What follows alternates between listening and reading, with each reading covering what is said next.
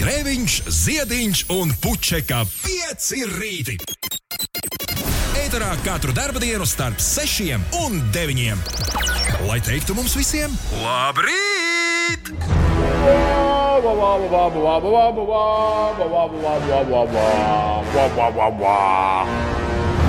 Nu, ko aiziet vēl viena darba nedēļa? Aiziet vēl viens mēnesis. Cik tā nu vairs līdz Ziemassvētkiem, vai ne? Pirmdiena, 2. novembris, 2 minūtes pārpusdienas sešiem. Dzīvei, Vivai un Vivitai šodien ir vārdu svētki. Es varu sadarīt, ka tu pazīsti labi jau vienu Vivitu no iepriekš minētajām. Bet nu vienalga. Dzīvei, Vivai un Vivitai agrās rīta kafijas krūzes pacelsim tā, tā augstāk, lai viņām tiek. Daudz laimes dzimšanas dienā no mūsu stāva Velgai Vītolē no Latvijas Radio 2. Jā, nevis Lāču Velgai Vītolē, bet uh, Šlāgeru Velgai Vītolē. Daudz laimes. Daudz laimes dzimšanas dienā šodien arī Latvijas Nacionālā teātra aktierim Mārcim Maņakovam jāvēl. Enrico Avots, latviešu aktieris, svin dzimšanas dienu. Davidam Švimeram, amerikāņu aktierim, amerikāņu reperim Nelijam un Keidijai Langai, kanādiešu mūziķei. Arī daudz laimes dzimšanas dienā. Kam vēl dzimšanas dienas, to raudzīsim, saprast laika gaitā. Galu galā rīts vēl garš. Kaut vienmēr ir cerība, ka paskries vējas pārniem. Labrīt!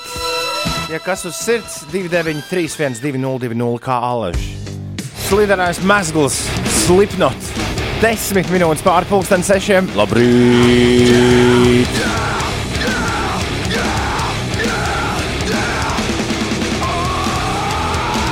Nu, Ines un Ulu, kā jums patīk novembris?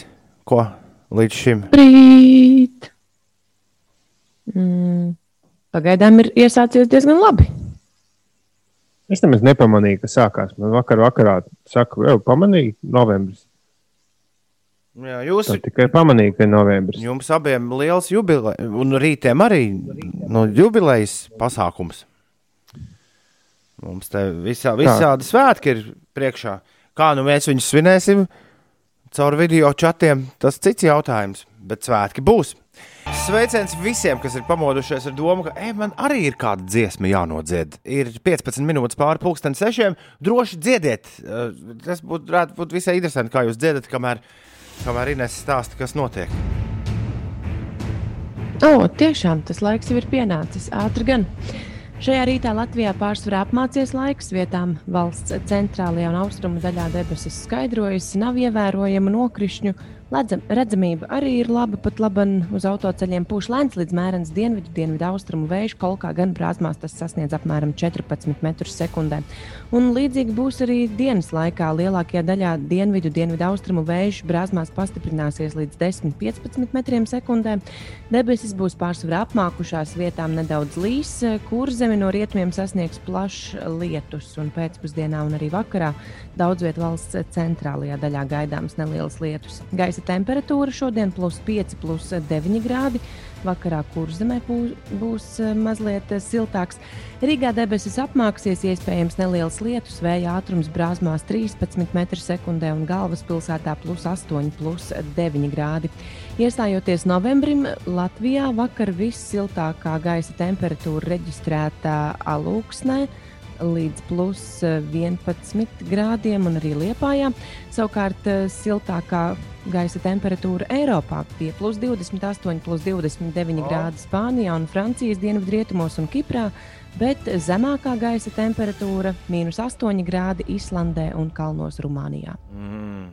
Labrīt, šodien ir vējainā diena, raksta taksists. Dīdzis visu siltumu no ķermeņa un auto izpūta, bet tā novembris ir sācies skaisti, jo rudens kā rudens. Nu, vispār rudens ir varenās krāsās tieši šobrīd. Tā arī ir. Labrīt, Rīga, labrīt, Latvija, labrīt, pasaulē. Labrīt, visapkārt ir 20 pār 6. Skan Latvijas radio 5,5 LV. Latvijas radio viss kopā jau 96. gadu ir uzsācis radio viļņos. Mēs tiecamies pretī savam 8. gadam, kurš sāksies 19. novembrī rītā. Jā. Pirms septiņiem gadiem, 2013. gada 17, ne, 19. novembrī, mēs pirmo reizi izgājām gaisā. no šīs jaukās mazās studijas, kurā es šobrīd atrodos. Un visai drīz nedaudz būs tas fakts atkal jānosvin. Ka vēl viens gads būs apkārt. Tāpat vēl vienam gadam apkārt Inesēja Nuldim šajā mēnesī. Tā kā, tā kā tiešām svētku mēnesis. Un vēl Latvijai dzimšanas diena. Padomā, Un Artim Valfam arī. Arti Volvam Pareizi. arī dzimšanas. Visiem ir dzimšanas diena. Nu, super. Un, un, un jāsāk arī daudz lielākiem un tādiem pārliecinošākiem soļiem soļot dot pieci virzienā. Viss skaidrs, viss skaidrs. Sveicienu Kailijam Fūristam no Mārča. Mārča raksta, sākam kārtējo darba nedēļu, lai visiem super izdevusies diena. Labrīt, piecīši rudens kā rudens, augsts, bet skaists, rakstīja Ieva. Taču tas neaturēja vakar aiziet uz peldi un nopeldēt, lai jums ražana darba nedēļa. Es gan no tiem kārtīgajiem uh, ziemas peldētājiem dzirdēju, ka jau šitā vienkārši, vien, es nesaku jau, ka tu tādu vienreiz dari, bet, ja, piemēram, mēs tagad izdomātu aiziet nopeldēt, ka tas nemaz nesot labi. Nu, tā, tā pēkšņi vienreiz aiziet un izpeldēties. Mēs vienreiz kaut ko tādu ar Kauperu un, un Magnusu kopā darījām. Un Aleks Vilciņš. Starp citu, pavisam nesen tas bija, uh, bija gada diena. Man Facebook izmeta bildi. Sestdien vai svētdien. Nu, re, īstie roņi, tie, kas tur peld visu ziemu, tie saka, tā pakāpeniski. Tad tikai tad no tā ir jēga, ja tu tā pakāpeniski. Ej. Pakāpeniski Tā un regulāri. Nu, ja? Tāpat Jā. jau ir arī ar treniņiem visiem. Taisnība jau būs, taisnība jau būs. Tā, Alfrēds ir pamodies. Olīte un Čēla arī pamodušās. Čēla nesaprot, vai ir modusies, bet cēlusies ir. Un Olītei pulkstenis rāda vēl tikai pāri pieciem. Tas nozīmē, ka Olīte mūsu Eiropā klausās kaut kur. Labrīt, mīļie piecīši, raksta Alfrēds. Brīvdienās jauki un silti atpūtos, biju skriet un skatījos basketbolu un seriālus. Piecīši vakar tukums vinēja jūrmālā 4-2 virslīgā. Īzī, tudī bija arī Lakija kongresi tīm mī. Un kā tu tom atpūties, ko? Nu, kā tad tu atpūties? Kā tad es atpūtos? Nu, Ziniet, ko baigi pie televizora pasēdēju. Man bija ļoti jauka Halloween ballīte sestdien vakarā dārzā ar bērniem, kurā tika pagatavoti raganu pirksti un drakulas asinis. Wow. Un drakulas asinis jā, jā, jā. Iededzām iespējams pēdējo reizi barbekju aparātu, tā teikt, šajā gadā. Aprēc raksta, es redzēju, piekdien, kā mūziķi ieraksta šī gada pieci, dod pieci himnu LTV viens kanālā. Nav ko noslēpt. Neviens jau neko baigi neslēpj. Nu. Man gan arī jāatzīst, tas LTV sižets nāca kā pārsteigums, jo mēs tādu baigi tādu tā, neko nestāstījām. Un rīktīgi turējām sveci zem pūra. Nu, jā, tā Pēkšņi. Tadam! Kā- televīzijas spēks. kāds vienmēr pasteigsies pirmais. Nu, nekas, nekas. Kur tā dziesma pirmo reizi tiks atskaņot, kā tev liekas, Ulu? Haha! Noteikti diez vai televīzijā. Diez vai televīzijā gan. Tā, Daudzas regulāri nomāca jautājums, kur likt sejas masku brīdī, kad to vairs nevajag likt uz sejas. Nu, pārvietojoties pa ielu vai no automašīnas uz veikalu vai tā. Man ir padoms. Sejas masku var salocīt uz pusēm, un tā kļūst par mazu, piemīlīgu rokas somiņu. Nevajag tur likt neko iekšā, jo tas droši vien nebūs higiēniski, bet izskatās burvīgi. Vispār tam maskām ir pilnīgs trakums. Ja paklausās, ko saka gudri, gudri cilvēki, tad man liekas, neviens neizmanto masku tā kā jāizmanto. Tur nezinu, esot pēc stundas jāvelk cita maska, un, un tad tur jāuzmanās, kā novelk, kur viņi liek un tā. Tas vi... ja, ja, te, ja tam visam pieiet tā, kā te daudzi, kā, kāda ir norādījuma, man liekas, baigi dūli. Nu, tikt galā ar visu. Kas un kā vajadzīgs. Bet arī Ulas uztaisīs somiņu no maskas. Bija. Kā pareizi? Jā, pusē somņām. Šitā vai ne kaut kā tā pirkstu atstiep. Bet Man patīk tas secinājums, pie kura tu nonāci. To mēs tūdaļ dzirdēsim. Paldies! Paldies Edžam Čaukulim, kurš pareizi norādīja, ka tajā mazajā somiņā drīkst likt lietas, bet tikai tās, kas ir bijušas jums mutē. To, piemēram, pusgraustu sausiņu vai kādu hotdogu desingu galiņu mierīgi varam likt mazajā somiņā un nest līdz brīdim, kad sagribas atkal. Kā tu pie šī sit- secinājuma eh, nonāci? Man, es, te, es, es teicu, Eģis man atsūtīja ķaukulis, ka, ka lietas, kas jau ir tev bijušas mutē, nu, var likt tajā maskā jā, iekšā. Nu, loģiski, jo tu, tu esi no iekšpuses elpojis. Un tom par to, ko tu iepriekš teici, ka tā, ik pēc stundas tā maska būtu jānomaina. Nu, mums jau vēl nav īsti tāda ierobežojuma, ka mums pa ielu jāsteigā ar masku. Varbūt vienkārši nevajag uzturēties veselu stundu tādās vietās, kur tiešām obligāti vajag masku. Jā, bet, Piemēram, piemēram, veikalos. sabiedriskajā transportā. Nu jā, ja tev ir Paņem un aizbrauc no Rīgas uz Liepāju. Jā, nu tad gan. Tad jāizvērtē varbūt brauciena vajadzība. Nezinu. Bet man liekas, ka stunda ir bijusi pārspīlēts, jo kaut kādi doktori stāstīja, nu, man šķiet, ka bija vismaz divas stundas tai vienai maskai. Es tagad nevaru ātrumā atrast. Bet stunda noteikti nebija. Bija ilgāk. Labrīt! Šeit pieci rītī. Ines, kādas bija tavas brīvdienas? Kādas bija tavas brīvdienas? O, manas brīvdienas bija mm, jaukas. Sanāca vis kaut kur pabraukāt. Aizbraucu uz Olaini, uz kāpšanas torni. Tad pabiju Valmjerā, pēc tam atpakaļ Rīgā, tad Bauskas pusē, tad atkal Olainē un atpakaļ Rīgā. Nu, labi, tas tā kā tāds plāns, bet, bet, bet, bet nu, emocionāli. Ah, viss ļoti forši. Es saku, uh, nu jā, man patika. Man patika aizbraukt uz kāpšanas torni. Sen nebija būtis tur.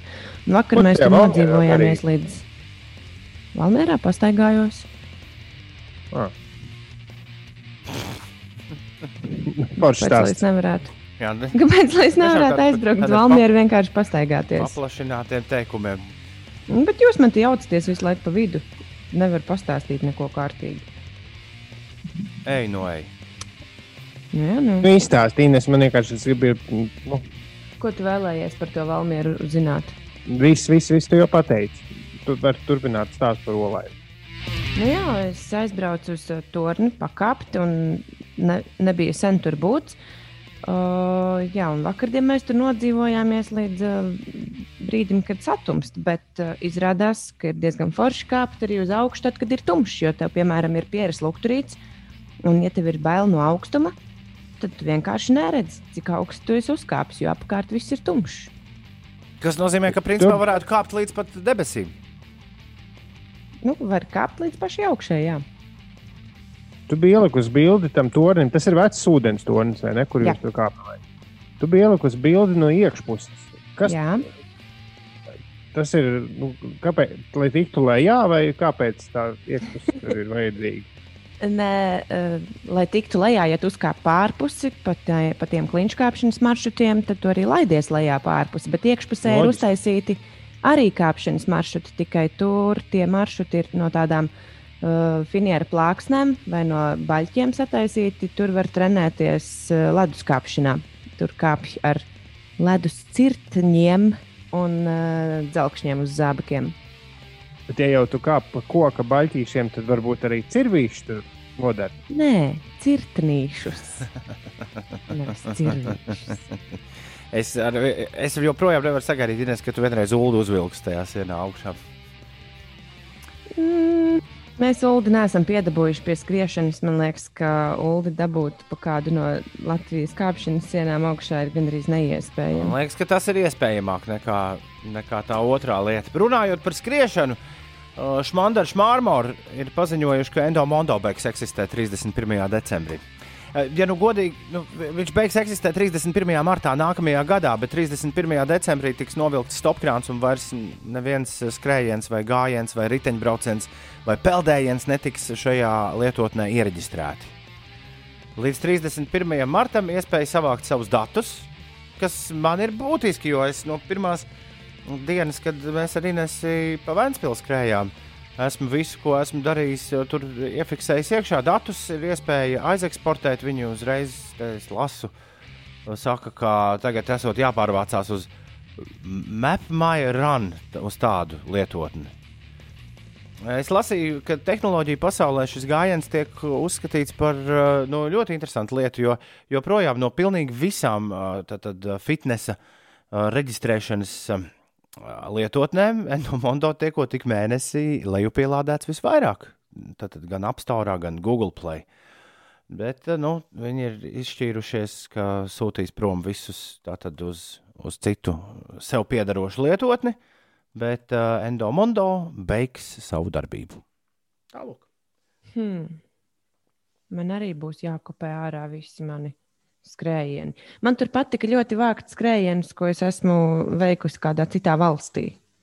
Nu, ja man bija viena brīdi tāda izklaide, ka tad, kad es kaut kur dodos, tad iemetu somā līdzi arī botus un eju vakarā skriet. Un tā man tur ir skrējieni no Kanādas, no visādām Eiropas valstīm. Jā. Tagad būs viss jāmeklē rokā. Strava esot palikusi rīktīgi populāra. Renārs raksta, Skandināvijā maz kas zināja Endomondo, bet Strava ļoti populāra. Strava? Jā, Strava. Nu, es uzreiz jau lieku savu sešu un kādas tur būs klāt. Skaidrs. Jānis Jānis saka, fuj, to šī melodija, kur pats skanēja, nedara skriešanai. Totāli lielveikalu mūzika. Jā, Jānis, paliec tu pie savām domām, ļauj tak citiem palikt pie savējām. Brīvdienas bija lielisks, raksta Kārlis. Es bildināju savu mīļoto sievieti. Lai jums lieliski šī diena! Nu, forši!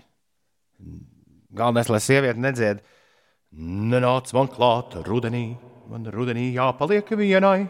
Vissarežģītāk ir ar masku lietošanu kasieriem, pārdevējiem 8 līdz 10 stundas darba dienā. Bet es, piemēram, veikalā skatos, ka viņi nemaz tādu baigi nelieto takses dīdzi. Tas, ja ir tas aizsargs tīkls, tad kasieris var nelietot.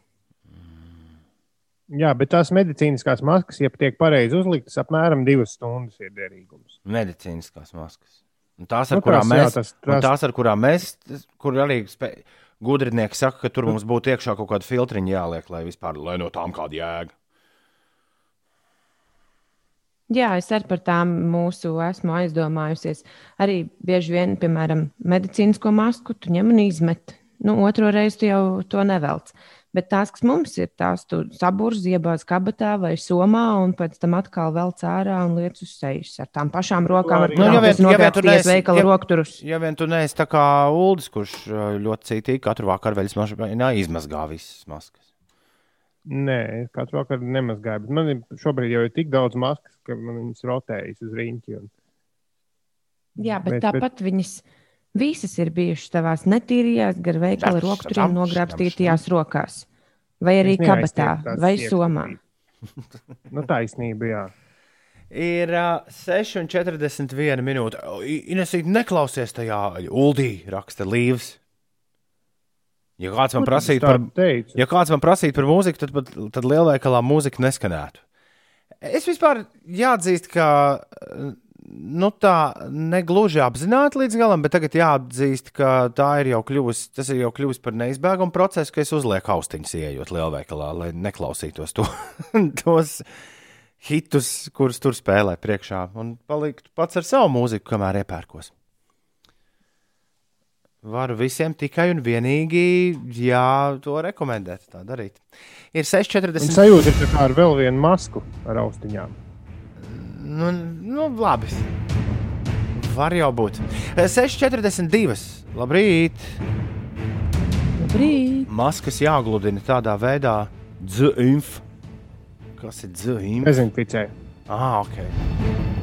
Inesē, kas notiek? Jā!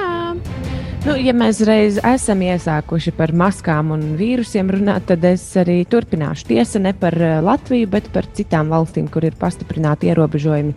Lai ierobežotu vīrusu izplatīšanos, Portugāla ieviesīs daļēju karantīnas režīmu. Aptuveni 70% no Portugāles iedzīvotājiem no trešdienas būs pilsoņu pienākums maksimāli daudz uzturēties mājās. Skolas Portugālē turpinās darbu, un cilvēkiem būs ļauts doties uz darbu, pie ārsta, uz veikalu pēc pārtikas vai aprūpēt radiniekus, ja tas ir nepieciešams. Arī Austrijas parlaments apstiprinājis daļēju karantīnu uz četrām nedēļām, kas sāksies rīt. Tiks ieviesta nakts komandanta stunda no 8.00 vakarā līdz 6.00 rītā. Šis eh, būs atkārtot jāapstiprina pēc desmit dienām parlamentam. Jaunie noteikumi paredz kultūras iestāžu un izklaides vietu slēgšanu un aizliedz visus pasākumus, izņemot bērres. Tiks slēgti arī restorāni un viesnīcas. Faniem aizlie, aizliegts apmeklēt sporta pasākumus, un arī Šveicē, Ženēvā no šodienas būs spēkā stingrāki ierobežojumi nekā lielākajā daļā valsts. Baigi. Baigi, baigi. Sanāk, ka baigi. Austrijā nedrīkst arī precēties. Vienīgie pasākumi, kas var notikt, tās ir bērns. Jā, Cik skaisti tas skan. vai ne? Vai ne? Nu, jā. Lietuvā vēl nav komandas stundu ieviest. Tad, kad, ir, tad, kad Nē, paliek slikti uz mūsu cipariem skatoties, tad es netīšām brīvdienās Lietuvas cipars ieraudzīju. Tad atkal tāda laba, labāk palika. Jā, nu Lietuvā iet pavisam trakāk nekā pie mums. Es domāju, ka Bet mums ir, tāpat laikā, ja kāds grib prognozēt mūsu jā, pasākumus, tad jāskatās, ko viņi darīs. bet tāpat laikā Igaunijā iet krietni labāk. Jā, Bet mūsu pasākums taču nedēļas nogalē SPKC publiskoja ļoti jauku tabuliņu, kur bija skaisti, nu, skaidri pateikts, kādi būs tālākās darbības pie kādiem skaitļiem. PKC, kā, es tad laikam neieskatījos tā līdz galam jaukajā tabuliņā. Nu, tajā brīdī, kad saslimušo skaits sasniegs Eiropas Savienības vidējo rādītāju un slimnīcas Kas ir- pārslogotas kas ir kas? to, mm, Dodies uz, es, nu, uz tiem. Es nezinu no galvas. Sorry. Nu, mēs vēl neesam tajā katrā ziņā. Tas skaidrs, jā. Tajā, jā, tajā brīdī, kad mēs sasniegs, sasniegsim šo vidējo rādītāju, tajā brīdī publiski pasākumi vairs nenotiks. Tajā brīdī privāti pasākumi arī vairs nenotiks, izņemot bērns. Maskas darba vietās būs, kas būs jaunums, darbs maksimāli attālināti, izglītība maksimāli attālināti. Jā, bet mēs tur vēl neesam. Šobrīd mēs esam oranžajā tajā stabiņā. Tas nozīmē vienu pirms šī ļoti augstā riska. Šobrīd mums ir vienkārši augsts risks. Nu, ir desmit cilvēku pasākumu un tā tālāk. 6 un 45. Nu, Laika mašīnā.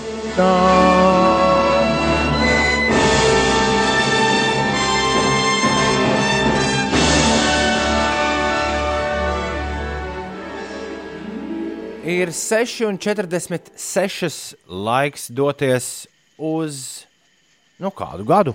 Nevis uz šo, bet uz kādu citu gadu. Oh, es esmu kļuvis par pirmo šorīt, Ines, kurš, kuru no mums kāds klausītājs ir nolamājis. Oho. Ainārs Čik, pats tu tāds. Labi, laika mašīnā tad mainām gadu. Esam 2. novembrī un dodamies uz gadu, kad ļoti patriotisks noskaņas valdīja Latvijas FM viļņos, jo Aija Andrējeva, Artis Dvarjonas un Boro MC bija vienojušies kopīgā patriotiskā dziesmā, nu, kur ārpus tā gada īsti laikam nestrādā. Bet tas nekas, tas nekas. Klausāmies! Bum, burum, bum, bum, bum, bururum, bum, bum. Aldis, Somijas Uldis, Sensīts Dainis, Austris, Gerda. Šie mūsu draugi šorīt dodas pie leduskapja apēst kaut ko ekstra garšīgu, jo viņi zina, kurā gadā mēs bijām. Apsveicu jūs ar pareizo gadu iesūtīšanu uz 293, 1202, un apsveicu arī visus tos, kurus es nenosaucu un kur ir kļūdījušies. Bet tagad laiks noskaidrot, kā ies Uldim un Inesei. Uldi, uz kuru gadu mēs šorīt bijām devušies? Lai ir 2009. man viena zināma iemesla dēļ. 2009. Uldā viena zināmo iemeslu dēļ gads ir pieņemts. Ines, kuru gadu tu izvēlēsies? Es ņemšu laikam astoto. Man Ok. liekas, ka tā dziesma par Latviju ir saistīta ar Latvijas dzimšanas dienu un kaut kādiem cipariem. Ah. Un tad līdz ar to sanāk, ka Uldim ir zāģītis, bet Ines dabū punktu. Yes! Mm -hmm. Latvijai 90. Ja? Latvijai uz 90 gadu izdomāja šitā uzdziedāt kārtīgu, kārtīgu patriotisko gabalu.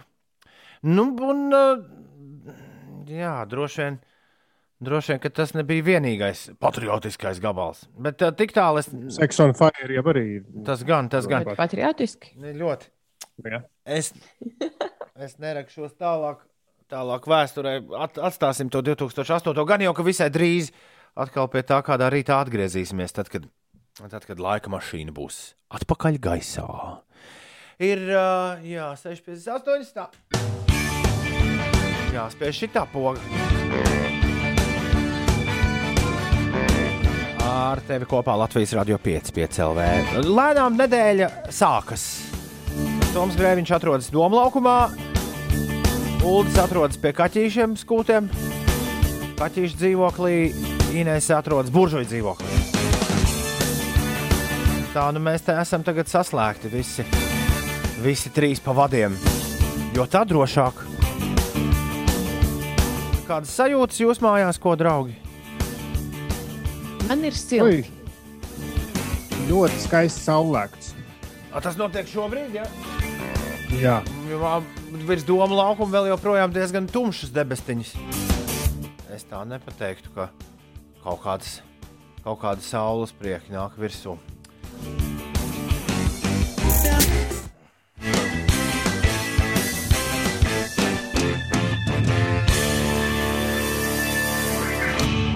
LSM Bērnistabā. Sabiedriskie mēdīji par drošu vidi bērniem internetā. Es vakaros kopā ar tēti klausos dažādas pasakas, un pa ceļam uz laukiem man patīk zīmēt dažādas mājas un krāsot. Man visvairāk patīk vārdu spēles un pulksteņa spēle. Puzles es varu sākt visas, vēl man patīk taisīt tos trikus, kuri man sanāk.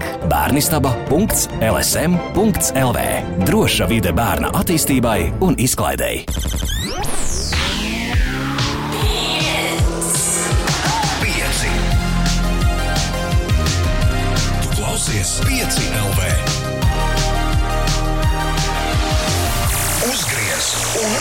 Labrīt! Ir 6 minūtes pāri pusdienas septiņiem. Celies, celies! Vēlies, vēlies! Ir novembris sācies. Pirmdiena, 2. novembris. Darbs, un dārziņš un skola uh, negaidīs. Uz universitātēm nav jāiet, vai ne? Tur viss ir attālināti. Nu, daļai attēlināti. Jā. Ja ir kaut kādi praktiskie darbi, tad tie, kuri nevar notikt attālināti, tie notiek klātienē, bet uh, lielākoties strādā jā. Lielākoties, jā, studenti Māja- no sēž mājām. mājās. Jā. Tāpat kā Ulas un Ines. Mūsu Rīga, Latvijā! Cēlies augšā! Es kā vetārs saku, koži visi. Visi koži. Joprojām! Joprojām! Labrīt, pirmdienā, 2. novembrī. Pieci rīti šeit. Dzīvei, Vivai un Vivitai ir vārdu svētki. Daudz laimes dzimšanas dienā Velgai Vītolai. Mūsu kolēģei no Latvijas Rādio 2. Mārcis Maņakovam, Latvijas Nacionālā teātris aktierim šodien dzimšanas diena. Arī latviešu aktierim Enrico Avotam daudz laimes. Kas bija Davids Švimers? no draugiem. Ah, Nu, Ross. ah, Ross no glābējas. Svin dzimšanas dienu. Ross no draugiem Nelijs, eh, tas, kuram bija It's Getting Hard in Here, un Keidija Lang, kanādiešu dziesminiece, par kuru eh, es, eh, nu, man ir tāds ļoti aptuvens, aptuvena nojausma, kas, kas viņa un ko viņa. Viņiem Nu, visiem tā ir apmēram dzimšanas arī diena. paliksim. Jā. Uh, kuram vēl ir kāda, kāds jubilārs sveicams, droši padodiet ziņu. 293, 202, 293, 202. Tangri, tangri sākas rīts šeit, Latvijas Rādio 5,5 LV. Uh, Uldes nesmu aizgājis apskatīties, vai tā medus torta, kuru piekdien mums atsūtīja viena ziņu aģentūra, vai viņi vēl joprojām stāv blakus telpā, bet es varu gandrīz vai derēt, ka tur stāv. Vai tu esi nobežījies par tās svaigumu? Nu, apmēram, jā. Tur gan ir labi vēsts. Es, es, bet es neesmu uz kūkām galīgi kritis. Ja tu par mani baidies, tad nebaidies. Viss labi, viss labi. Es tai kūkai klāt neskaršos. Es domāju, ka tu gribi atbraukt. uh, Iespējams, kurš kādā brīdī, skarsies? kad neviena nav. Tu gribi atbraukt, paņemt un viņu ielikt savā leduskapī mājās. Nē, man vēl ir gabaliņš mājās. Ir, Pa Ko? Tev ir kūkas gabals mājās no radio? Jā, es biju pakaļ tavam statīvam un kūkai. Hm. Man gan nav kūkas. Jā, īstenībā es varēju paņemt arī priekš tevis. Bet, uh, Jā, mm, uh, Bet tu izvēlējies paturēt savā leduskapī to, ja? Tu izvēlējies kūku. Par mani aizmirstot. Labrīt, no Somijas raksta Uldis. uh, Somijā. Te tāds augsts vējš, ka maz neliekas. Laikam ar šortiem nevajadzēja uz darbu braukt. Bet vismaz prieks par pirmo startu laikā, ma laika mašīnā un uzreiz arī uzminēju. Novēlu foršu dienu visiem un manai mīļajai sievai bučis un braucat visi uzmanīgi. Un jūlijas nesaprot 95 stortis, kurš tās var apēst? Ha, ha, ha, ha, ha. Liels joks. Bet sveiciens jums visiem! visi ir attālināti. Mm, sveiciens jums visiem mūsu Latvijas radio lielajā dzimšanas dienā, kas bija vakar. Aiziet 96. ētera gads. Visās Latvijas radio radiostacijās ir sācies, un Inês stāsta, kas notiek. Mazliet par sportu un, un par to, kas noticis aizvadītajās brīvdienās. Astoto zaudējumu pēc kārtas ir piedzīvojusi Rīgas Dienāmo komanda, kas viesos ar rezultātu 2-7 atzina Jekaterinburgas automobilistu pārākumu. Latvijas Hokeja federācija ir nosaukusi 27 hokeistus, kas dosies uz Deutschland Cup, kas Vācijā notiks no 5. līdz 8. novembrim. Sastāvā iekļauti tādi spēlētāji kā Mārtiņš Kārsums, Rihards Bukārts, Andris Džeriņš un citi. Savukārt valsts vienības galvenā trenera pienākumus pildīs Artis Ābols. Deutschland Cup piedalīsies trīs komandas, ieskaitot Latvijas hokeja izlasi. Latvijas izlase būs vienīgā, kas dosies uz Vāciju. Turnīrā piedalīsies Vācijas valsts vienība un vēl viena komanda, kas būs Vācijas U-23 izlase. Iepriekš no dalības šajā turnīrā atteicās vairākas uh, hokeja komandas, ieskaitot Norvēģijas, Slovākijas un Šveices valsts vienību izlases. Vēl kārtējo uzvaru F1 izcīnīja Lūsis Hamiltons no Mercedes komandas, kas triumfēja Imolas trasē notiekošajā posmā. Otro vietu ieguva Walters Bottas, bet trešo Renault pilots Daniels Rikjardo. Jā, Latvijas rādio ir 95, bet uh, tas bija vakar. Šodien ir sācies 96. gads ēterā. Bet tā taču nekad nesaka par vecumiem. Ir tik gadi, cik ir, un viss. Neviens nerēķina, ka tev būs 41. gads vai, vai 35. Jā, jā vai Ines, Ines izņemot, ja pienāk 2000. gads, tad gan strīdās, vai ir pienācis jauns gadsimts vai nav. Un jaunu tūkstošu gadu. Ai, tas viss ir tik ļoti muļķīgi. Kurš to vairs atceras? Ņem un dzīvo no to gadu. Nu, kāda Tieši tā, ra. kāds cipars? Un Džons Klīs vispār pateica, ka viņš savu 80. jubileju, jeb 81. dzīves gada sākšanos, kā dažs labs rēķina, nesvinēs, jo šogad eh, neskaitās šis gads. Viņš izņēma ārā. Jā, varētu neskaitīties šis gads. Man arī patiktu tāda doma. Ah, tad jums nekas Viņam, nav. nu, Tad jūs atceļat savas dzimšanas dienas oficiāli. Vai ko tas būtu nu, jauki? apmēram, jā. Vai cik šis ir jauki? Jā. 7,25 ir pareizais laiks. Tev to vajag? Nē, nē, nē, tas bija piekdiena. Tagad ir ko darīt šonadēļ? Pienācis brīdis mums noskaidrot, ko darīsim šonadēļ. It kā, it kā aizvien prātīgāka doma ir palikt mājās, vai ne? Paliekot mājās un klausoties radio, ceturtdien jums būs lielas ziņas no Dot 5 nometnes. Oficiāli tiks izziņots šī gada labdarības maratona Dot 5 DJ sastāvs, kas tad dosies iekšā stikla studijā no 17. līdz 23. decembrim. Un es šodien sazināšos ar tiem liel, jaukajiem himnas taisītājiem, un es uh, sapratīšu, kur dienu. Bet es pieļauju, ka tas notiks šonadēļ. Mēs saņemsim kompaktdisku ar, ar arī šī gada labdarības maratonu dot pieci himnu. Varēsim pirmo reizi to noklausīties visi kopā. Es saprotu, ka šodien tiek uh, kaut kādi pēdējie ieraksti. Ierakstu saišķi vēl savilkti, un tad, un tad jau pavisam drīz, uh, tiklīdz vien tas būs iespējams, himna būs mūsu rokās. Tā, o, ja nu gadījumā tomēr nu, negribas palikt mājās un ir nepieciešams eh, liels, liels ekrāns, divas lietas, kuras es redzu. Nikam Keivam bija pavisam nesen uh, filma, kur viņš ļoti veiksmīgi distribūtēja, tad nevis tieši raidi, bet filma. Ko viņš distribūtēja pats uh, saviem spēkiem, par ļoti dārgām naudām, pārdodot iespēju to skatīties online. Niks Keivs, viens pats Aleksandra Palace lielajā koncerta zālē, viens pats pie klavierēm, pie flīģeļa. Idiot Prayer, šāda koncerta filma, koncerta pasākums. Nu, to rādīs uh, lielākajā Rīgas kinoteātrī Forum Cinemās šo piekdienu, pulksten 9. vakarā. Lielākajā arī zālē, līdz ar to tur arī, man liekas, lielā zālē uz Niku Keju iespēja ļoti labi arī distancēties vienam no otra. Un ceturtdienu oficiālo pirmizrādi patiesībā filma jau ir rādīta uh, vasarā Kolkā, bet nu šoreiz oficiālā pirmizrāde kino un mēs Matīsa Kažas eksperiments. Mēs runājām par šo pagājušā piekdienu ar Sergeju Timoņinu raidījumā 5 skatās. Sergejs man uh, pastāstīja to, ko es nezināju. Ka šī filma izceļas ar to, ka tā ir tā kā teātris izrāde, proti, tā ir nofilmēta vienā piegājienā, 87 minūtes non-stop esot filmējuši sešas reizes šīs 87 minūtes kino vīri. Un uh, tas, ko mēs redzēsim uz ekrāna, ir ceturtais piegājiens. Man gan, es tā viltīgi skatos, ka šis nav pašmāju straight to digital variants, jo bez filmas pirmizrādes nevienu citu seansu, nevienā kinoteātrī man neizdodas atrast.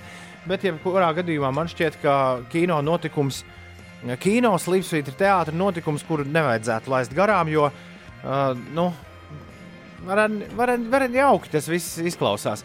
Kas notiktu, ja mērnieku laiku ķēnci spēlētu Jānis Skutelis? Ko darītu Andris Keišs, ja viņam būtu jāiemiesojas Gunārs Cilīnskādā? Vai Egodam Dombrovskim izdotos atveidot kino studijas leģendāro bojeviku režisoru Aloīzu Brenču? Trīs Latvijā pazīstami aktieri pievēršas iemīļotajām latviešu padomju filmām, mēģinot saprast, kāpēc tās uzņēma tieši tā šī filmu izrāde. Tātad ceturtdien piedzīvos savu pirmizrādi Splendid Palace kinoteātrī, Matīs Kažas kino un mēs. Tas ir viss, kas man stāstāms. Jā, par filmu mēs laikam parunāsimies ar jau pieminēto Jānis Kuteli trešdienu. Okay. Ļoti. Ticamāk, tas vēl tiek kārtots. Ļoti labi. Jā, tāds plāns ir. Jā, tas laikam arī viss. Nē, nē, man netālu no mājām ļaudis ir izdomājuši, ka jātaisa tā saucamais farmer market. Ja būs vēl viens nakts tirgus, šoreiz gan, nu, cik es saprotu, privātu uzņēmēju rīkots, bet, bet nu, forši, ka ir vietas, kur zemnieki var tirgoties ar produkciju. Tas būs brīvā kvartālā, sestdien ir atklāšana. Un, jā, un Latvijas rādio kā viens no rīkotājiem piedalās. Uh, pasaules diktāta organizēšanā, kas arī būs arī sestdien, 7. novembrī, 12.15.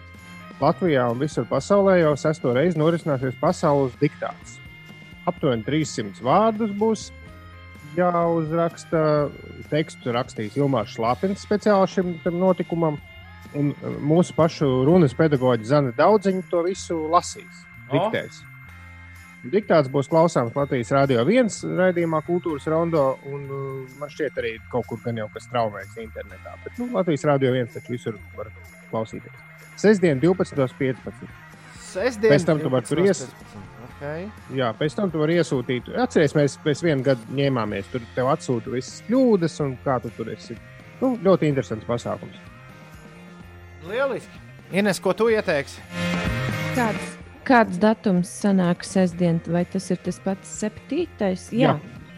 Uh, paralēli tam ULDA uh, izstāstītiem uh, latviešu valodas diktātam notiks arī latgaliešu dialekta uh, diktāts.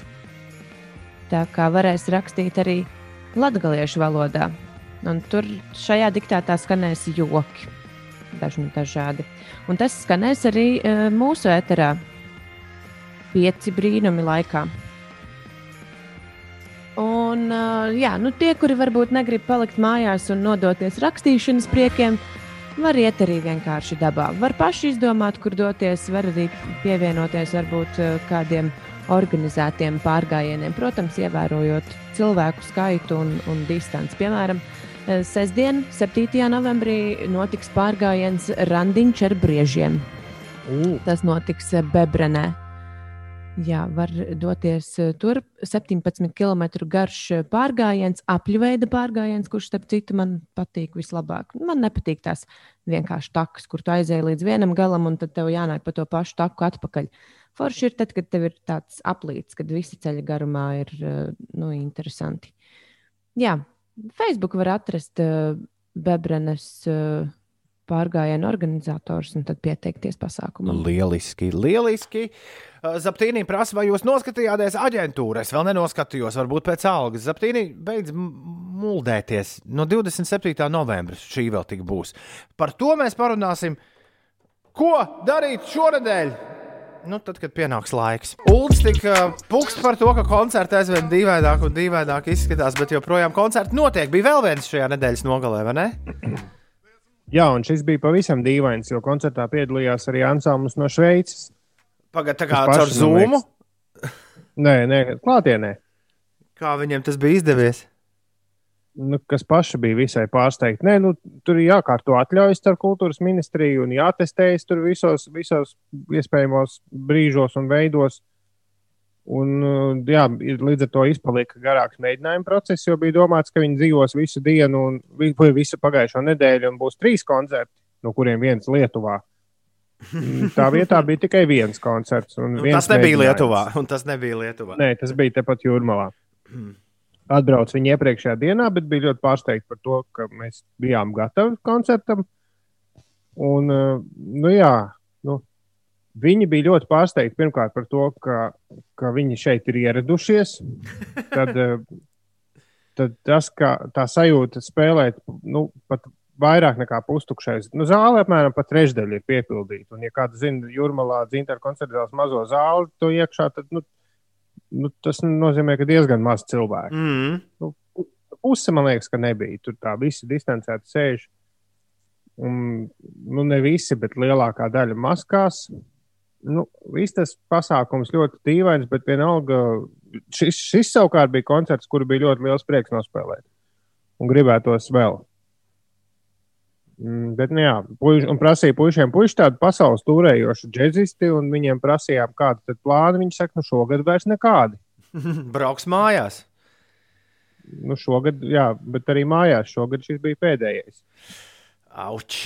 Viņiem, laikam, paš, kolektīviem mūziķiem, teica, ka nu, visu vasaru nav iespējams mēģināt bez tur, distancēm un, un tā tālāk. Traki. Tā.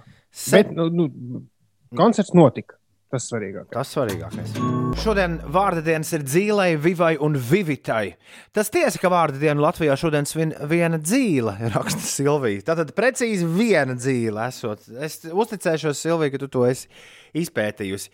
Taču vesela dzīļu dzimta katru gadu 2. novembrī svin savu uzvārda dienu, un tad nu sveiciens visām dzīvēm uzvārda dienā.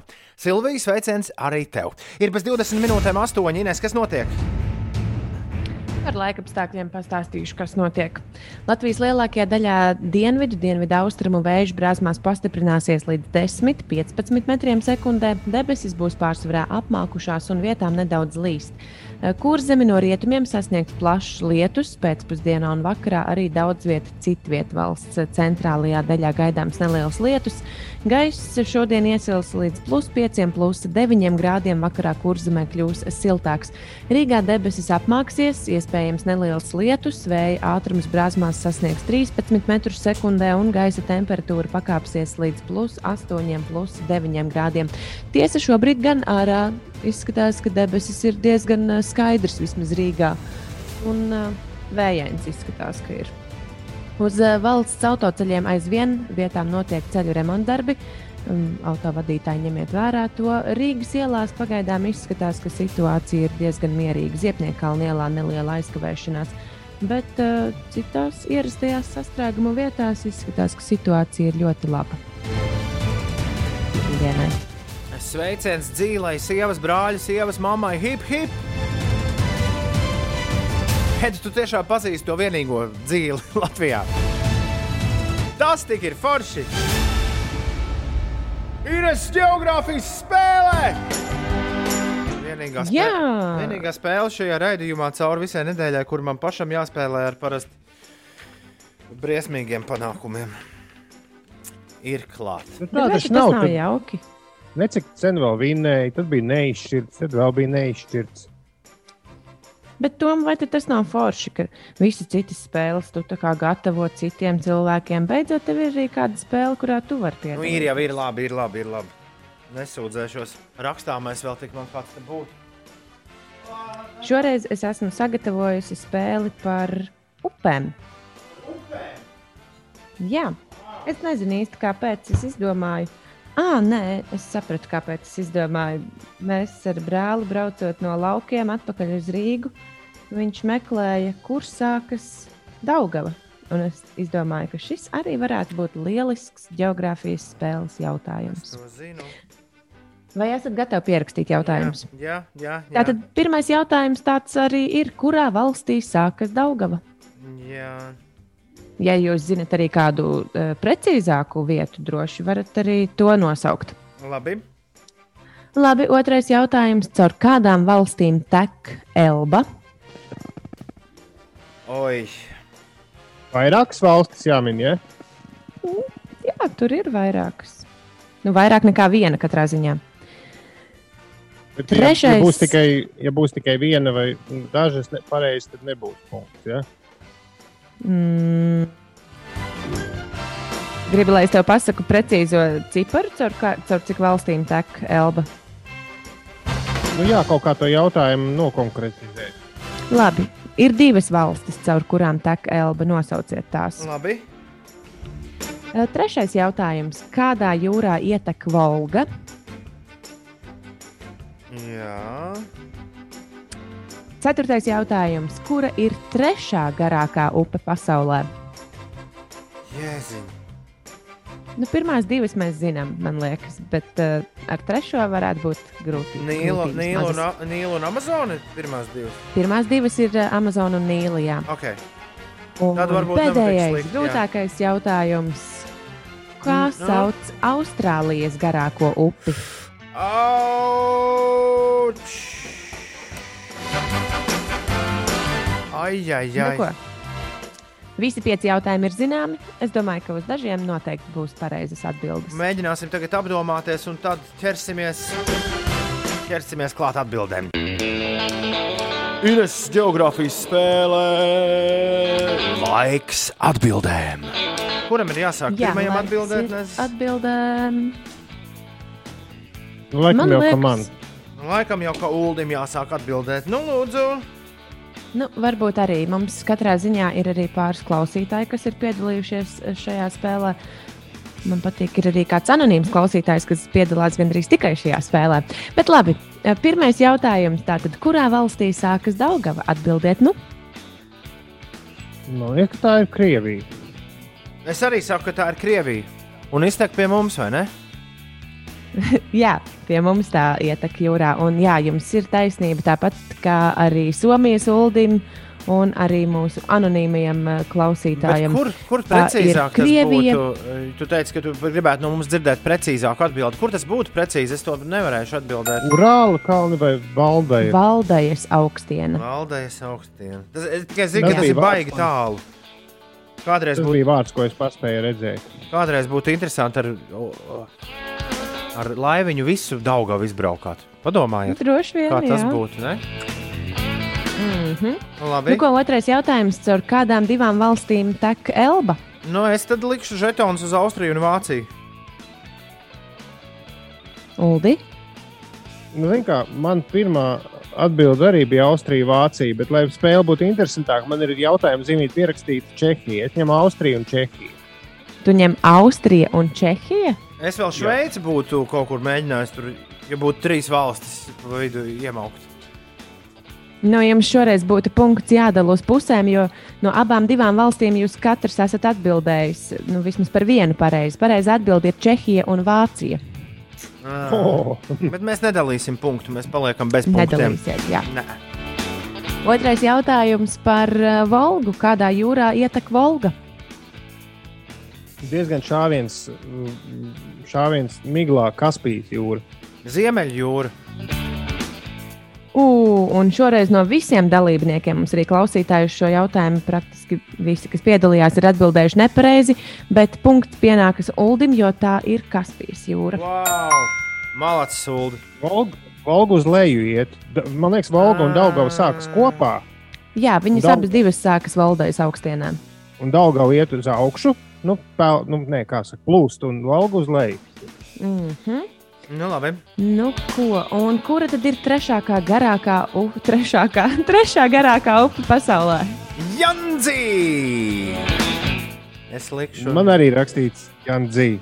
Un jā, jums abiem diviem pa punktam. Tā ir Janzi. Jē! Kaut ko jau bišķi zinām. Nu, nedaudz, bet zinām. Un pēdējais jautājums. Kā sauc Austrālijas garāko upi? Kur bija tas krokodils Dendijs? Ko? Uld, kur viņš, pa kurien Man viņš? Ē, Man, man ir, ē, man ir zin kāda, man, mana atbilde ir, man liekas, ka nosaukums skan līdzīgi Orinoco vai Rokoko. Kaut kas uz to pusi, bet kas tas tāds ir? Man galvā kaut kas skan. Man es toties, saku, būs līdzīgi. man, man toties Ines, nekas neskan, un es zolīdi atsakos no atbildes uz šo jautājumu. Un šajā jautājumā mums ir viens uh, uzvarētājs, pareizās atbildes autors. Tas ir mūsu anonīmais klausītājs, kurš ir atrakstījis, ka šo upi sauc Mareja. Mareja, tā kā okay. Bils Morejs. Turpmāk mēs zināsim. Nekas, ir, nekas līdzīgs manam Rokoko nav. Lauris raksta, hei, Ines šodien kā dusmīga učenīte ar pirmdienas pārbaudas darbiņu. Un tā katru pirmdienu, tā katru pirmdienu. Bet es neesmu dusmīgs. Ulds beigās uzvarēja, vai ne? 3-2 nav slikta spēle. Nē, galīgi neslikti. Ines geogrāfijas spēlē stipri labāks man rezultāts kā mūsu hokeistiem. Pieci. Klausies pieci LV. Viņi dzied, ka dzīve ir kā dinamīts. Vai jūs piekrītat Ulu un Ines šim apgalvojumam? Es tik dziļi neesmu tajā iedziļinājies. BTS DRD un ko viņi ar to ir gribējuši pateikt. Jā, nu nevarētu teikt, ka man šī vispār ir mīļākā dziesma, lai es tā ar baudu vai ar Nē, iedzināšanos izrādās, ka es, izrādās, ka es esmu pārklausījies. Viņi dzied nevis Life is like a dynamite, bet viņi dzied Light it up like dynamite. Tas nozīmē, vai nu Ā, man nu- ir jāmazgā ausis, vai arī viņiem ir uh, jāpiestrādā bišķi pie izrunas. Bet viņi dzied nevis par to, ka dzīve ir kā dinamīts, bet gan ir uh, jāiedegas kā dinamītam. Nu, mums Iededzini, katram. iededzini man. Nu, apmēram, apmēram tā varētu teikt. Labrīt visiem! Ir pirmdiena, 2. novembris šeit Latvijas Rādio 5,5 LV.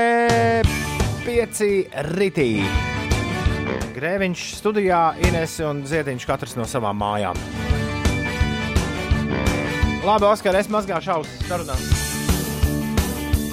Oskars saka, nevis, nevis viņiem dikcijas likt, bet man ausis jāmazgā, lai notiek. Kamēr skanēs ziņas, došos ausis izmazgāt. 29, 31, 202. Ja tev kas sakāms, noteikti mums atraksti. Interesanti, vai BTS, kā BTS klājas Latvijas Nacionālajā hitparādē. Vakar, kā katru svētdienu, starp 5 un 8 Mārcis Valsts spēlēja Latvijas top 40. Kas ir vispopulārākās dziesmas Latvijā? To viņš mums atgādinās jau arī pavisam, pavisam drīz. Ik pirmdienas top 41. desmitnieka atskatā. Tāpat priekšā ir rīta dziesmu tops, šodien brīnišķīgas dziesmas, interesantas ziņas un vēl šis tas. Tāpēc pamēģini tikai kaut kā tur, ja, ar to savu FM skalu grozīties turpu šurpu. Tas galīgi nav nepieciešams. Galīgi nav nepieciešams pirmdienā eksperimentēt un mēģināt kaut ko, kaut ko pēkšņi jaunu atklāt. Tur, kur visticamāk nekā jauna nav. Pieci. Pieci. Pieci. Pieci. LV. Uzgriez un ir Labrīt! Edžels priecīgs par to, ka Čaka iela ir viena no noslogotākajām ielām Rīgā, un šeit vēl taisās likt velo joslas. Jā, nu kāpēc ne? Lai iet. Kailais fūrists ir pamodies, ļoti forši izgulējies, un viņš raksta, tad sapratu, kāpēc. Aizgulējos foršu visiem šodienu. Nu, ja nu ir sanācis arī aizgulēties, neuztra, neuztraucieties ne par ko. Nu, kaut kā jāizstrebi tās ziepes, kas sanākušas, un tālāk jau, tālāk jau kļūst tikai un vienīgi aizvien labāk. Labrīt visiem no Liepājas, no Liepājas ezera ērgļa. Apmācies silts ar nelielu vēju. Cik patīkami ēst brokastis, klausīties jūs un vērot rudeni pa logu. Man šovakar, nē, man šodien nekur nav jāsteidzas. Steidzieties visi lēnām. Un to es arī visiem novēlu. Satiksme vēl arī steidzas lēnām, vai ne, Ines? Jā, aizdomīgi aizdomīgi. Tas, tas, nav, tas nav aizdomīgi. Vecāko klašu skolēni sēž mājās. Bet vecāko klašu skolēni, man liekas, arī brauc ar sabiedrisko transportu tomēr uz skolu. Tie Mm. mazie ķipari jau ir tie, kurus parasti ved. Un tomēr no brīža, kad viņus atstāja mājās, satiksme ir savādāk galvaspilsētā. Ja kādam ir kāds Vienkārši cits skaidrojums, uh, Strādā. lūdzu. Strādā mājās, ļaudis. Tas gan, tas gan. radio lielākā daļa Tas gan. ir mājās. Tā gan ir Bet te tiesa. pareizi teici, steidzies lēnām, jo tieši tāda jau ir tā doma, ka, piemēram, tā pati Čaka iela, nu, tur nav divām joslām īsti vietas katrā virzienā. Un, un līdz ar to tur ir vieta vēl celiņiem pietiek, un tad tā lēnām čubināt pa to vienu joslu. Aut, varēs gan automašīnas, gan velospēdi, gan vispārējais. Un viss būs laimīgi. Nu, tie autovadītāji, kas ir pieraduši skriet, nē. Nu, jā, bet es, esmu, es varu nu, uzteikt uh, par labu darbiņu, ka ir salikti tie norobežojumi velojoslai Latvijas ielā. To jau sen vajadzēja, un tas o. ir ļoti forši. Tagad Sa ir. sanāk, ka mašīnas tur nevar uzbraukt. Nu, dažas labas, protams, ka var iebraukt tajās vietās, kuras ir atstātas vaļā, lai, piemēram, iebrauktu vārtiņos. Tad jau tur uh, daži nekautrējas apstāties arī tiem vārtiņiem priekšā vai pabraukt mazliet tālāk pa to velo joslu. Bet, uh, nu, tā, protams, ir viena problēma, kad tie šoferi mēdz apstāties uz velo joslām. Bet uh, patīkamākais jau ir tas, ka tu jūties mazliet, mazliet drošāk tomēr braucot pa to joslu, ja tev ir tāds neliels norobežojums. Skaidrs. Astoņas pāri astoņiem. Mūsu Rīga Latvijā! Labu rītu, saka saulē, labu rītu, šauko vējš. Iet pa ceļu, nagu laks, nagu laks, nagu laks. Šeit Latvijas Rādio 5, 5 LV. Labrīt, dzīvēi, Vivai un Vivitai šodien vārda diena. Vēlgai Vītolai no Latvijas Rādio 2 daudz laimes. Latvijas Nacionālā teātra aktierim Mārcim Maņakovam dzimšanas dienu. Latviešu aktieris Enrico Avots arī svin dzimšanas dienu. Disku žokejs un pasākumu vadītājs Oskars Lepers šodien starp jubilāriem. Daudz laimes dzimšanas dienā arī Elīnai Šimkus. Un daudz laimes mūziķei, jā. Un daudz laimes dzimšanas dienā Davidam Švimeram, draugu Rosam, amerikāņu reperim Nelijam un kanādiešu dziesminiecei K.D. Langai. Daudz laimes! Lai viss viņiem pa pirmo! Labrīt! Labrīt, labrīt! Labrīt, labrīt, labrīt, labrīt, labrīt! Labrīt! Cēlies augšā! Un lai varana diena šodien. Uldis skatās visu laiku mājās, video kamerā, kas rāda televīzijas torni. Tur jau sen liela gaisma, ko. Nu jau, jā, nu jau saules gabalā, bet tas saulēkta brīdis bija tiešām interesants. Man bija sajūta, ka žilbst acis no televizora. Lai biežāk tā. smaga saulīte. Lai biežāk tā, tas Jā. ir tas, ko es tev vēlēšu. Lai biežāk šādi. Varētu vēl sildīt, vēl varētu. Tas būtu pavisam labi. Ir 13 minūtes pārpusdien astoņiem. Šeit Latvijas radio 5,5 LV. Labrīt! 5. Pavisam drīz būs London Grammar. Mums ir jāuzspēlē kaut kas no svarīgākās skaņu plates, iespējams, Latvijas popmūzikas vēsturē, vismaz pēc tā, ko mēs nedēļas nogalē redzējām. Datos, ansis un rokas visai drīz skanēs radio. Bet vispirms, Čau, eterbiedri, etera cilvēki. čau, Arti Wolf! Artis Volfs savu auto mazgā vidēji trīs reizes gadā. Taču valsts svarīgāko hit parādi Latvijas top 40 viņš vada 52 reizes gadā. Latvijas top 40 Svētdienās, 5 pēcpusdienā, 5 LV. Nu, čau, čau, čau, čau, čau, te ir Arts Volfs, un vakar notika Latvijas top 40, kas bija pirmais desmitnieks. Tūlīt to uzzināsiet. Latvijas top 40. 10. Uz leju par četrām pozīcijām - Purple Disco Machine un Sofija and the Giants uh, Hypnotize. 9. Plus viena pozīcija - Calvins Harris un The Weekend ar Over Now. 8. Lielākais kāpums šajā nedēļā - plus 17 pozīcijas Ozols un Zebrana ar antidepresanti. 7. Uz leju par divām pozīcijām - Miley Cyrus ar Midnight Sky. 6. Plus 13 vietas. Internet Money, Gunna un Don Toliver ar Lemonade. 5. Mīnus divas pozīcijas Jasons Derulo un Take You Dancing. 4. Uz augšu par trīs vietām Harijs Styles ar Watermelon Sugar. 3. Mīnus viena pozīcija BDS un Dynamite. 2. Plus divas pozīcijas 24K Golden un Ian Dior ar Moods. Un pirmajā pozīcijā joprojām ir Joel Corey un MNK ar Heads and Hearts. Latvijas top 40. Numur 1. Nu, re, vismaz izmaiņām. Joprojām vispopulārākā dziesma Latvijā, arī iesākot novembri, Joels Corejs un MNK. Episki! Tur nav citu, tur nav citu vārdu. Tad, kad rokas gaisā iet pa labi un pa kreisi, tad, kad rokas gaisā iet pa labi un pa kreisi, Sestdien Ines ļoti labi izskatījās Latvijas uh, Spotify straumētāko dziesmu tops. Pirmajās astoņās pozīcijās bija tikai un vienīgi Anča skaņdarbi. Ansis, Jā, tādu bildes bija redzējusi. Ansis ir uzspridzinājis internetu ar savu jauno albumu, un uh, viņš bija ciemos pie Rolanda Čērēdījumā reportāžu pagājušā piekdienā. Dodies uz PCLV, lai noklausītos, lai noklausītos to vēlreiz. Es, uh, es visu kaut kur internetā redzēju, cilvēkus dalāmies ar, ar reportāžu un ar faktu, ka wow! Rekādas foršas lietas par radio notiek. Tā kā apsveicu visus vēlreiz Latvijas radio 95 gadu dzimšanas dienā. Ir 8,23. Ines, kas notiek?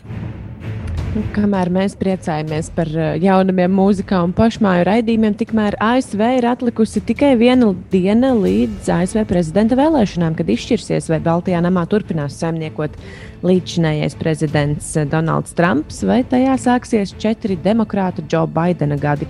Un jaunākās aptaujas liecina, ka Baidens popularitātei apsteidz Trumpu, taču tas negarantē viņa uzvaru. Vašingtonas ielās jau ar finieru plāksnēm tiek aiznagloti veikalu skatlogi, gaidot, ka pēc vēlēšanām, kad būs saņemti pirmie rezultāti, varētu izcelties nemieri. Īpaši gadījumā, ja uzvarētu Trumps, jo pret viņu iebilst imigranti. Pamanāmas ir arī dažādas agresijas izpausmes. Piemēram, Baidens ir bijis spiests atcelt trīs kampaņu pasākumus Teksasā drošības apsvērumu dēļ. Jā, kā jau teicu, aptauju dati rāda, ka ar vien lielākas izredzes uzvarēt ir Baidenam, taču gan analītiķi, gan mēdīji atgādina, ka tā sauktais tautas balsojums ir tikai daļa no procesa, jo izšķirošs būs elektoru kolēģijas lēmums un kandidātu panākumu svarīgākajos štatos. Arī iepriekšējās vēlēšanās tautas balsojumā uzvarēja Hillary Clintona, bet Trumpu ievēlēja elektoru kolēģija.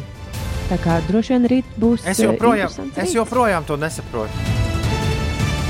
Man joprojām ir atmiņā tas rīts, kad mēs te sēdējām un visi trijotā skatījāmies, kā Trumps tika Jā, tas bija ievēlēts. aizraujošs rīts. Neticami. Hil tu pats nu, pat pateici, Hillary Clinton uzvarēja. Tautas balsojumā, jā. Damn! Kā, kā tas var būt? Oh, labi. Jebkurā gadījumā rīt būs atkal no rīta jautrs rīts, vai ne? Iespējams. Tagad rīt, nē, tas būs. Parīt. Tas būs parīt. No Parīt. parīt. Tas būs naktī no otrdienas uz trešdienas. Skaidrs. Jā. ASV prezidenta vēlēšanas tuvojas. Nākamā gada sākumā būs klāta skaņu plata, kuras sauc California Soil. Tas ir jaunais, trešais London Grammar albums. Viens no svarīgākajiem tā singliem pagaidām, Baby It's You, nu pat izskan tavā rīta radio, ir 8 un 28 minūtes. Pareizs laiks. Un tagad ir laiks man paņemt mikrofonu šo zeltaino un iedziedāties šādi. Nu, paskats, sākas gaiša diena! To raksturo nevienu vien foršu dziesmā. Trīs labās tagad daila mums šeit spēlēs. Un visiem labu garu stāvokli vēlēs, jo daila dara tā, lai diena izdotos vēl vairāk. Vajag gulēt, iet, tad nedaudz ātrāk, tā ap pus astoņiem, tad esi izgulējies labi. Sārti vaigi tev būs abi un labi eh, veiksies darbi. Jā. Aiziet, Daila ir atsūtījusi mums savas trīs visu laiku mīļākās rīta dziesmas, un sāksim mēs ar tādu kārtīgu skābīti. Vai esi gatava, Ines? Kārtīgais kā bija te. Nu, aiziet. Jā. 3, 4. Laikos, kad šī dziesma bija populāra, Renārs strādāja arī par radio dīdžeju. Un tāpēc man vienmēr bija šķūda, un Ines šķiet, ka šī dziesma ir arī par radio. Nu, jo tā sanāk, ka tā dīdžejs var teikt klausītājiem, ka tavas mājas ir manā azotē. Hmm. Klusums no maniem Tīpaši, ja radio skan no telefona, kas ir ielikts azotē. Jā, kas ir Jā, kabatā? bet vai tajā laikā jau bija tādi telefoni? Tajā laikā bija pageri vēl. Uh, Labrīt, labrīt, Dailā.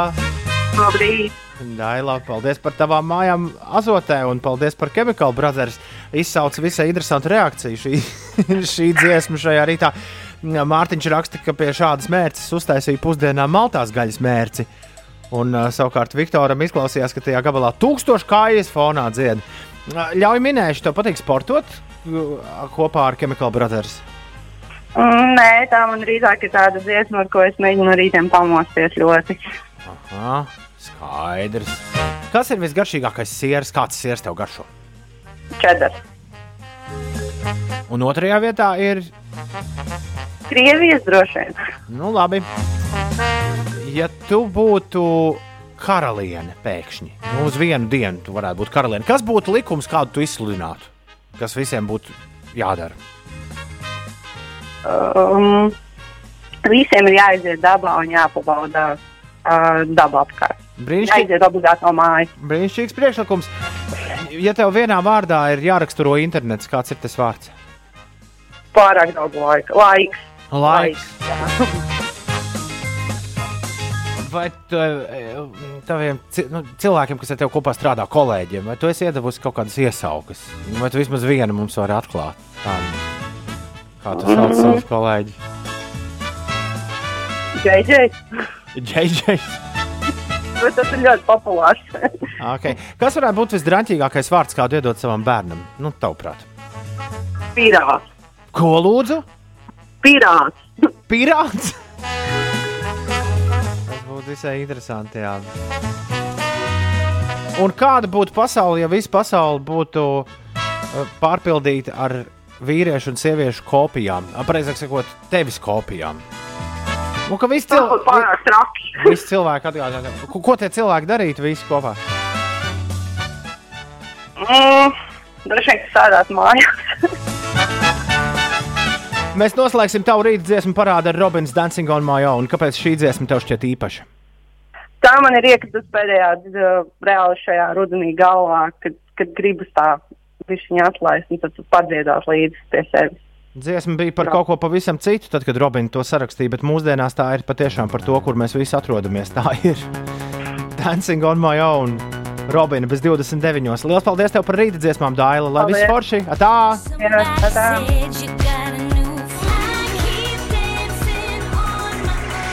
Robina! Dancing on my own. Latvijas radio 5,5 LV, 8,43 par mājām azotē dziedrenārs. Tādām, bet uz skolu ejot azotē penāls. Tur zīmuļi ir iekšā asī, pam, pam, pam, pam, pam, ar ko pārsteigt zīmēšanas klasi. Un sakrāsot potēšanas pasta. Skat pulkstenī drīz jau pusdienu pauzē. Un cerams, veiksmīgā puslozē. Jo es parasti ēdu kaut ko uz dūlo. Gluži kā to dara Jasons Derulo. Vienreiz pa MTV tā redzēju. Jā. Otra versija bija Ines. Es parasti ēdu kaut ko uz dūlo, bet bufetniece mani allaž troļļo. Tas arī nebūtu slikts. Nu, Es iedomājos, tur pieiet pie tās pusdienu paudzes, nu, pie tās pusdienu lietas. Saka, man vienalga, ko. Nē, nē, nē, nē es nestīšos. Ciet acī. Nē, nē, nē, nē, nē, nē, jūs kaut ko pārsteidziet mani. Un tev vienmēr uzliek vienu un to pašu. Tā, bet plāniņš tātad mēs šonadēļ vēl spēlējam rīta dziesmas jaunās. Nākamā nedēļa es esmu Nākamā prom. nedēļa. Jā. Jā, tad mēs varētu vēl spēlēt rīta dziesmas, vai arī mēs varētu jau riktīgi bliest pa balsojumu. Es atceros, ka pagājušajā nedēļā bija balsojums uh, tikai nedēļu, un tas bija stipri pa maz, jo vesela kaudze mums sūdzējās, ka viņi nevarēja nobalsot. Tāpēc uh, es piedāvāju mierīgi sākt balsošanu jau nākamā nedēļa. Nu, jā, man liekas, ka balsojums varētu būt arī trīs dienas, ja, ja mēs to rīktīgi visu, visu laiku bļaustāmies. Tad nu, nobalso, nobalso, nenobalso, nenobalso. Nu, nu, bet toties trīs nedēļu laikā nu, stabili viss nobalsos, kam jānobalso. Tu tikai atrodi to labo, to labo iespēju, ka nevar nobalsot divreiz, jo ar to mums parasti ir bijušas ziepes šī topa sakarā. Nu, to īsti nevajag. Būs viss kārtībā, jā, tas nav īsti tā. Okay. Pagaidiet, tātad plāns šonadēļ spēlējam, nākamajai balsojam, aiznākamajai nedēļai balsojam, un tad viss. Nu, vajadzētu, Tad ir 18. vajadzētu līdz 3. decembrim izspēlēt topu. À, tāds pat plāniņš. Nu, es domāju, ka nedēļa. ir sapulce. Jā, ne, nākam, es domāju, rīta topu varētu spēlēt no 23. līdz 27. novembrim, piemēram. Jā, tā man ir pierakstīts. Jā. Ēterā, jā. Tad tā arī darām. Nu, jā, un tad paliek divas nedēļas smuki balsošanai. Viss, viss skaidrs. Nu, tā kā šonadēļ ir pēdējā jā. iespēja atsūtīt e-pastu uz rītā 5 LV un kādu dziesmu topam ieteikt, jo topā balsosim tikai par dziesmām, kas būs ieteiktas. Tik vienkārši. Un tur pat nav nekas, neko pielikt, neko atņemt. Rīti at 5 LV. Ines! Tu tur esi? Jā. Jā, forši. Es esmu. Kas notiek? Ko man tur bija jaukties jūsu sarunās par, par rīta dziesmu topu? Tā ir jūsu virtuve. Bet uh, kamēr mēs te par rīta, pa rīta topiem uh, runājam, Vācijas galvaspilsētā Berlīnē ir darbu sākusi jauna Brandenburgas starptautiskā lidosta. Tās būvniecība uzsāka patiesībā jau 1992. gadā, un to plānoja atklāt jau pirms deviņiem gadiem. Bet, nu, redz, kā sanācis ir tā, ka to atklāja tikai laiku. tagad. jā. Sagaidīja atbilstošu gadu un tādu mēnesi avio lidojumiem. Tiesa, saistībā ar koronavīrus pandēmijas izraisīto krīzi aviācijas nozarē lielas atklāšanas svinības nenotika, bet Vācijas ekonomikas ministrs izteica prieku par ieilgušā projekta beidzot veiksmīgu pabeigšanu. Tikmēr vietējie mediji kluso darba uzsākšanu saist ar iedzīvotāju neviennozīmīgo attieksmi, ko izraisīja neveiksmes projekta īstenošanas gaitā. Vairākas reizes tika pārcelts lidostas atklāšanas datums, bet izmaksas pieauga no plānotajiem 1,7 līdz vairāk nekā 6,5 miljardiem eiro. Līdz šim Berlīnē bija divas starptautiskās lidostas, un Šēnfeldes lidosta tiek iekļauta tad- tagad jaunajā lidostā, kā viens no tās termināļiem. Savukārt Tēgelas eh, lidostu slēgs 8. novembrī. Jā, es tieši atvēru kārti, apskatīties. ā, Šis ir interesants. Tā ir tā pati, principā tā ir tā pati Šonefeldes lidosta, tikai tur ir apkārt riktīgi sabūvēts viss kaut kas. Mm, Tā kā, tā sanāk. tā kā, tā kā jā. Ratatā, ratatā, ratatā, labrīt! Ugh, interesantās ziņas klāt! Jej! Pēc tam Ulas Ines šorīt rīktīgi tā. Pacenties ir arī interesanti. Ir rīktīgi pacenties, jā. Forši, forši, forši, forši, forši. Tā, ja vien vēl man būtu fona mūzika, tad būtu vēl foršāk. Mēs varam padziedāt ar. Ines. Pamēģiniet, man ļoti interesē, kā tas izklausītos, ja jūs kopā uzdziedātu. Ko? Es Nu, dziedam fona mūziku.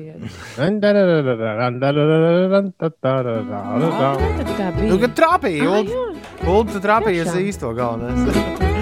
Šobrīd daudz uzņēmīgi ļaudis gudro dažādus veidus, kā nopelnīt. Jo, kā zināms, katra krīze ir arī milzīgu iespēju laiks, kad parasti dzimst jaunas biznesa idejas un radoši risinājumi.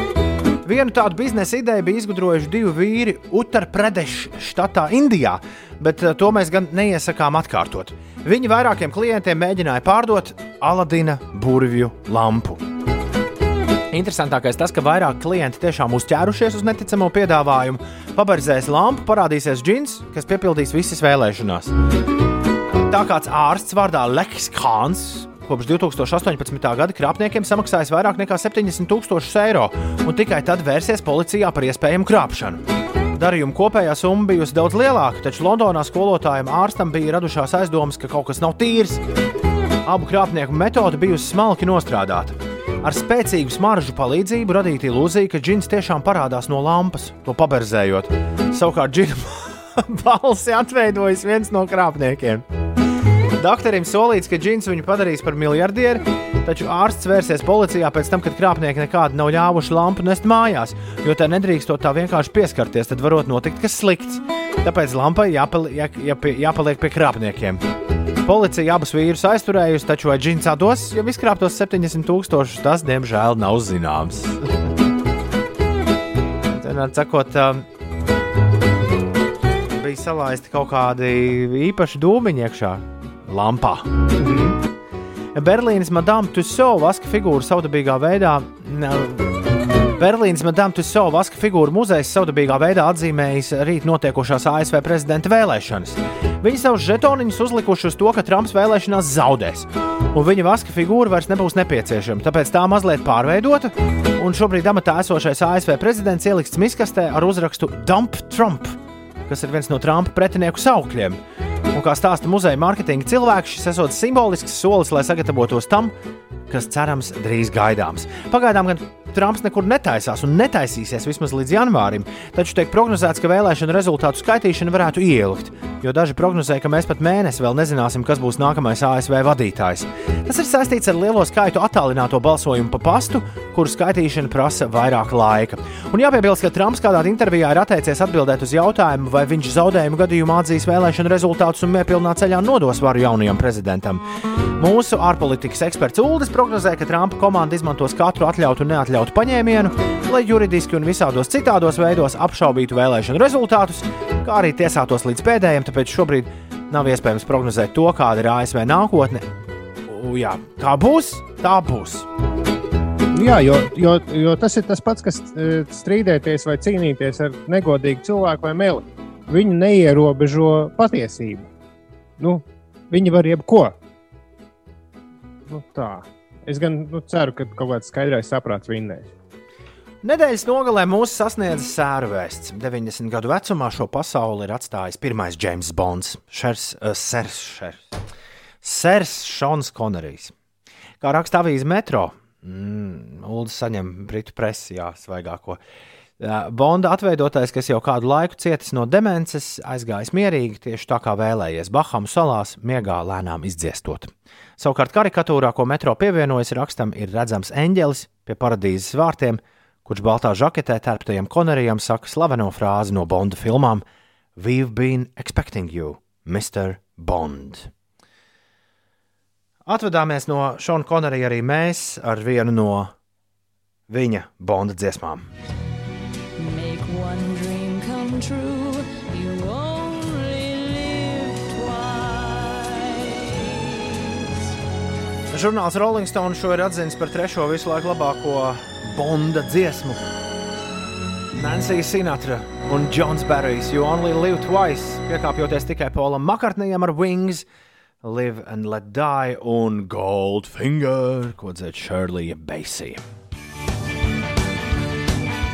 Nu, lūk, Šons Konerijs tur augšā mākoņos, bet mēs turpinām dzīvot savu jauko dzīvi. Kā raksta Edgars, Tomā ēšana uz dūlo īstenībā ir baiga labā lieta. Mēs ar kolēģiem šogad sākām pusdienās iet uz ēdnīcu, kuras dienas piedāvājumam pilnīgi uzticamies. Un to, ko konkrētajā dienā tur piedāvās, uzzinām tikai brīdī, kad pienes porciju, jo par to apzināti ātrāk neinteresējamies. Lai visiem lieliska diena! Jā, Jā kāpēc ne? šajā, šajā interesantajā laikā sevi pārsteigt kaut vai ar tādiem maziem dienas pārsteigumiem un prieciņiem. Galīgi nav nekāda vaina. Mēs būsim atpakaļ rīt starp 6 un 9. Katrs no savām mājām vai studijas. Nu jā, dzīve turpinās, lai visiem foršas attālinātās sapulces turpmāko dienas daļu. Šis bija raidījums 5 rīta. Wolfs no mājām. Nākamais ēterā jau pavisam, pavisam drīz, bet mēs jums loģiski sakām, ka katru rītu šajā brīdī visu labu! Tā! Tā!